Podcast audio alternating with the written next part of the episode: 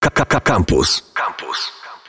Cześć, Monika Kita, witajcie w kolejnym odcinku Ekocyklu. Dziś będzie też o śmieciach, ale nietypowych, bo gabarytowych i niebezpiecznych, czyli takich, które powstają w domu, ale ich sposób pozbycia się jest nieoczywisty. Na pewno nie można ich po prostu wyrzucić do kosza albo zostawić przy pojemniku czy altanie śmietnikowej. Wymagają one specjalnego traktowania.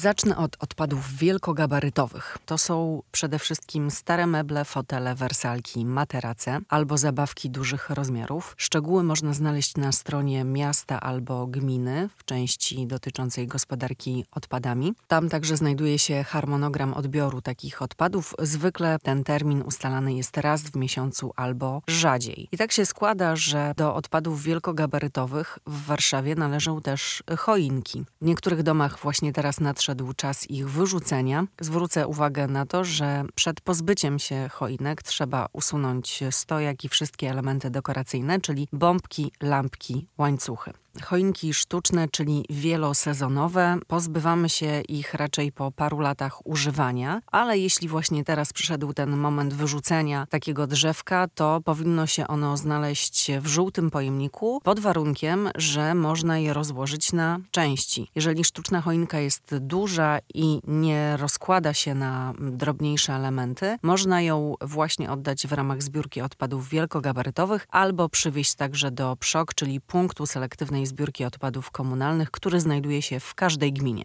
W Warszawie właśnie sztuczne choinki, ale także naturalne są wywożone zgodnie z harmonogramem odbioru odpadów wielkogabarytowych. Drzewka trzeba wystawić przed posesję w dniu odbioru gabarytów albo przy altanie śmietnikowej. I tak jak wspomniałam, szczegóły dotyczące terminów odbioru można znaleźć na stronie miasta. Ktoś mógłby jednak zapytać, dlaczego choinek naturalnych nie wyrzuca się razem z odpadami bio. Tak było w Warszawie w poprzednich latach. W tym roku jest inaczej, ale w wielu miastach i gminach można umieścić choinki naturalne w pojemniku brązowym, oczywiście po uprzednim rozdrobnieniu. Zdarza się też, że są organizowane specjalne terminy odbioru choinek. Można to sprawdzać na stronach swojej gminy albo miasta. I co się dzieje z takimi naturalnymi choinkami po odebraniu razem z odpadami bio. Są one przekazywane do lokalnej kompostowni. Wiele z takich instalacji przyjmuje naturalne drzewka i przerabia je na ziemię kompostową, która wykorzystywana jest przez rolników oraz e, ogrodników. Jeżeli ktoś ma odpowiednie warunki, czyli działka albo ogród, może też samodzielnie ponownie wykorzystać e, naturalne drzewko i dać mu drugie życie. Na przykład można je przerobić na ściółkę i rozsypać pod roślinami, co powstrzyma rozwój chwastów i lekko zakwasi glebę. Dobrą opcją jest też wykorzystanie gałązek świerkowych do ochrony roślin przed mrozem. Można oczywiście też e, choinkę po rozdrobnieniu wyrzucić do własnego kompostownika, jeśli ktoś e, posiada taki. Wiecie w takim razie, jak pozbywać się odpadów wielkogabarytowych e, oraz choinek. To teraz jeszcze kilka słów o odpadach niebezpiecznych powstających w domu, a dokładnie zwrócę uwagę na baterie. Najważniejszą zasadą jest przede wszystkim wrzucenie baterii do odpowiednio oznakowanych pojemników. Z takich pojemników są one przekazywane do firm specjalizujących się w odzysku baterii. Pudełka przeznaczone do tego celu znajdują się w wielu miejscach w szkołach, w instytucjach, w sklepach. Baterie można także przekazać do PSZOK, czyli punktu selektywnej zbiórki odpadów komunalnych. Jednak równie istotne jest, o czym pewnie nie wszyscy wiedzą, aby przed wyrzuceniem baterii do pudełka zabezpieczyć oba bieguny. Na przykład zakleić taśmą z obu stron baterię, tak aby nie doszło do zwarcia między ogniwami. Drugim rozwiązaniem jest owinięcie baterii papierem, co ograniczy dostęp powietrza i również zabezpieczy ogniwa. W ten sposób nawet w przypadku zetknięcia się baterii ze sobą nie dojdzie do wzrostu temperatury skutkującego zapłonem, a nawet wybuchem. I mówię to nie bez powodu, bo zdarzały się takie sytuacje, że baterie po prostu w pudełku albo się rozlały, albo wybuchły.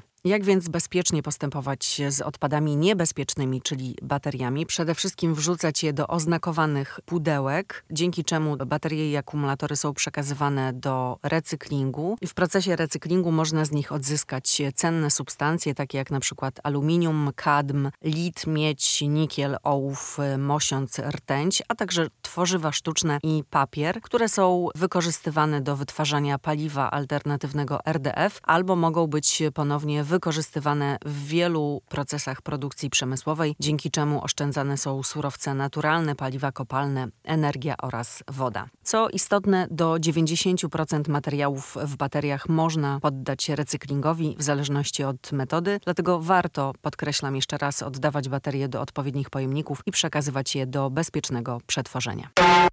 Internety. Facebook.com ukośnik Radiocampus.